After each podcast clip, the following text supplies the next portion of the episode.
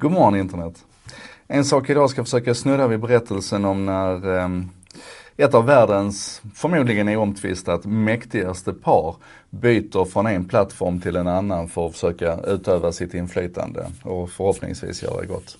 Det handlar naturligtvis om eh, presidentparet eh, Barack och Michelle Obama som eh, vi börjar med ett citat. De skriver så här. One of the simple joys of our time in public service was getting to meet so many fascinating people from all walks of life and to help them share their experiences with a wider audience. Det är så de beskriver ett av glädjeämnena med att vara president och first lady i USA. Att man kunde fånga in alla de här berättelserna och genom sitt presidentskap och den plattformen som det utgjorde så kunde man amplifiera, förstärka, lyfta ut det här till en bredare publik. Det skriver de i sin pressrelease. Och sen fortsätter de. That's why Michelle and I are so excited to partner with Netflix. We hope to cultivate and curate the talented, inspiring, creative voices who are able to promote greater empathy and understanding between peoples and help them share their stories with the entire world. Och det här är lite mindblowing tycker jag. För att de, de har ju suttit i en alldeles unik position som president av USA och First Lady av USA. Att, att kunna använda sin, sin plattform där för att utöva inflytande och försöka påverka världen i en riktning som, som de tycker är en god riktning. Och jag kan direkt deklarera, jag håller med. Jag är full av beundran inför det paret. Och när de nu inte har den plattformen längre, där sitter ju Mr Trump nu istället. Svårt att kalla honom för President Trump.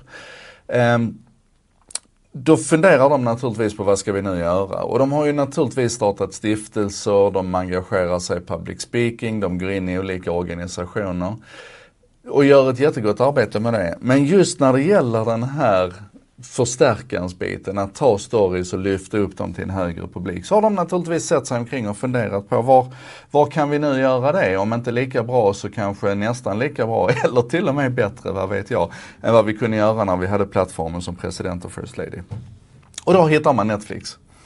Och Netflix är spännande. De grundades alltså 1997 av Reed Hastings och, och, Mark Randolph. Och deras idé var att ta upp konkurrensen med Amazon egentligen, som på den tiden i princip bara var en boklåda.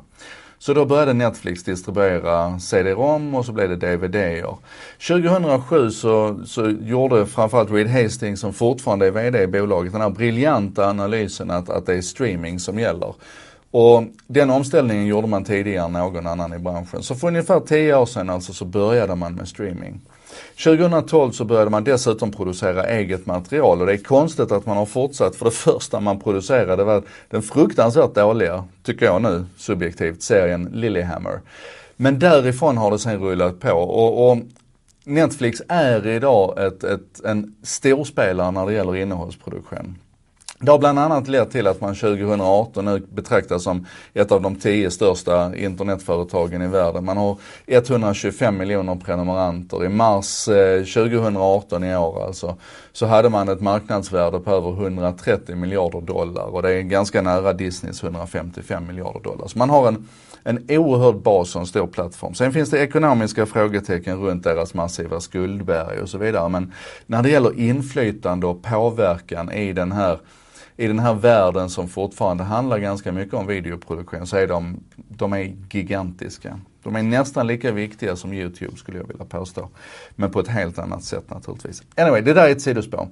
Jag tror att det vi behöver klura lite grann på här, det är det här med hur vi mäter framgång. Och, och traditionellt sett så mäter vi ofta framgång i siffror. Då kan vi checka av Netflix. De är otroligt framgångsrika ekonomiskt och, och dominerar, de finns i 190 länder i världen. Det är i princip bara i Kina och Kina-relaterade länder som de inte existerar. Så den kan vi liksom checka av framgången och rulla ut över hela världen. De är också väldigt uppskattade och gillade, även om vi alla någon gång ibland kan känna lite frustration över Netflix innehåll och, och och så vidare, så är de, de, de har byggt en fantastisk plattform och folk gillar dem. Vi betalar ganska gladeligen för Netflix. Tittar man på sådana nöjd kundindex och sådär så ligger de jättehögt där. Precis som Spotify som också levererar en tjänst som vi gärna betalar för. Gärna betalar för, det är fascinerande. Men sen är det då påverkansbiten och jag tror nog att, att trots alla andra framgångar som det här bolaget har haft så är jag ganska säker på att Reed Hastings kan sätta en check i den, i den checkrutan nu, i den kryssboxen. För att det kan väl inte bli mycket större när det gäller påverkansbiten som innehållsproducent än att man rekryterar och lyckas värva Barack och Michelle Obama. Jag tycker det är fantastiskt, jag tycker det, det, är signifikant för vår tid och det är någonting som vi nog måste fortsätta reflektera mer över. I alla fall, det här var en sak idag. Jag heter Joakim Jardenberg, eh, producerar det här med benäget bistånd av eh, vännerna på Bredband2. De är internetoperatören som gärna lyssnar när andra snackar och som hjälper till att sprida det här goda ordet. Det textas och översätts av Contentor som är en byrå som arbetar med modern marknadsföring, redaktionella texter och översättningar. Och de ser till att En sak idag finns textat på både svenska och engelska fram emot lunch varje dag. Grymt jobbat hörni och eh, vi ses imorgon naturligtvis. Hej!